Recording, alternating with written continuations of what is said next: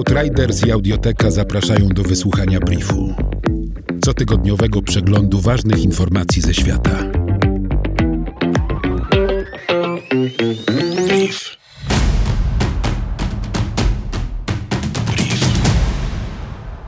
Eksperci ostrzegają przed pojawieniem się kolejnych pandemii w związku ze spożywaniem przez ludzi mięsa zwierzęcego. W liście otwartym piszą o hodowli przemysłowej oraz targach dzikiej przyrody, które zapewniają idealne warunki dla rozwoju chorób i przenoszenia się ich ze zwierząt na ludzi.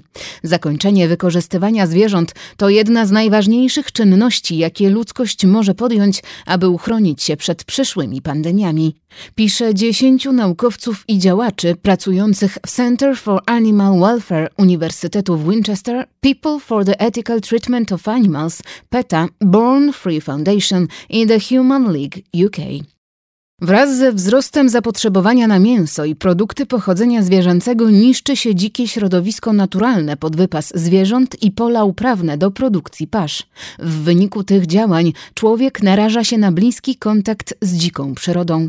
Trzy na cztery nowe choroby zakaźne na świecie to choroby odzwierzęce. Przyczyniają się one do około 2,7 miliona zgonów rocznie i w dużej mierze przenoszą się na człowieka w wyniku handlu dziką fauną i florą oraz prowadzenia hodowli przemysłowej. Według najnowszych badań 20% Brytyjczyków ograniczyło spożycie mięsa podczas pandemii koronawirusa, a 15% zmniejszyło spożycie mleka lub jaj. 41% badanych zdecydowało się na zmianę diety z powodu braku części artykułów żywnościowych w sklepach, natomiast 43% ankietowanych ograniczyło spożycie mięsa z powodu troski o zdrowie, środowisko i prawa zwierząt. W Stanach Zjednoczonych miliony zwierząt hodowlanych, kurczaki, świnie i bydło muszą zostać zabite na farmach z powodu zamknięcia zakładów mięsnych i przerwania łańcuchów dostaw żywności. Uważa się, że zostało już uśmierconych około dwóch milionów kurcząt. Ubój drobiu jest dokonywany m.in. przez uduszenie z wykorzystaniem piany, przegrzanie organizmu spowodowane wyłączeniem wentylacji i zagazowanie. Hodowcy świń mogą zostać zmuszeni do zabijania około około 700 tysięcy zwierząt tygodniowo.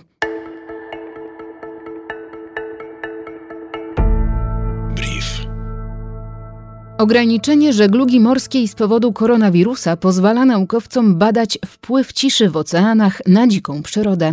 W kwietniu bieżącego roku średni poziom hałasu w miejscu oddalonym około 60 km od szlaków żeglownych i na głębokości 3 km spadł o 1,5 decybela, co oznacza, że zanieczyszczenie hałasem jest tam o 15% mniejsze niż przed 1 stycznia bieżącego roku.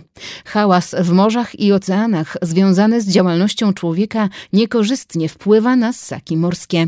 Na przykład zakłócenia wytwarzane przez statki są źródłem stresu u fiszbinowców, a wieloryby w południowo-wschodniej Alasce rzadziej śpiewają, gdy przeszkadzają im odgłosy przepływających statków wycieczkowych.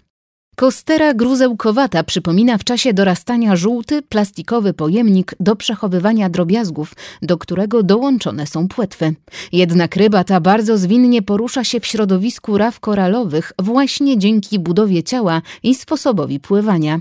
Kostera posiada twardy pancerz kostny pod skórą, który usztywnia jej pudełkową budowę. Kluczową rolę w manewrowaniu odgrywa płetwa ogonowa ryby. Kostera potrafi zwiększać i zmniejszać jej objętość.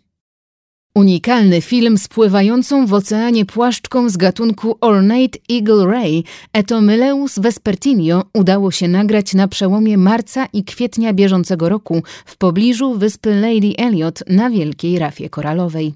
W ciągu kilku tygodni Ornate Eagle Ray został tam zauważony dwukrotnie. Nurkowie nazywają tę płaszczkę morskim jednorożcem, ponieważ jak dotąd zaobserwowano ją niewiele ponad 50 razy. To bardzo rzadko spotykana i zagrożona wyginięciem ryba, której populacja w ciągu ostatnich 45 lat mogła zmniejszyć się o połowę. Obecnie nie istnieje żaden program ochrony tego gatunku. Brief Outriders. Nowe wydanie co piątek do posłuchania na lekton.audio ukośnik brief. brief. Powtórki przez cały kolejny tydzień na Spotify i w Twojej aplikacji podcastowej. Brief.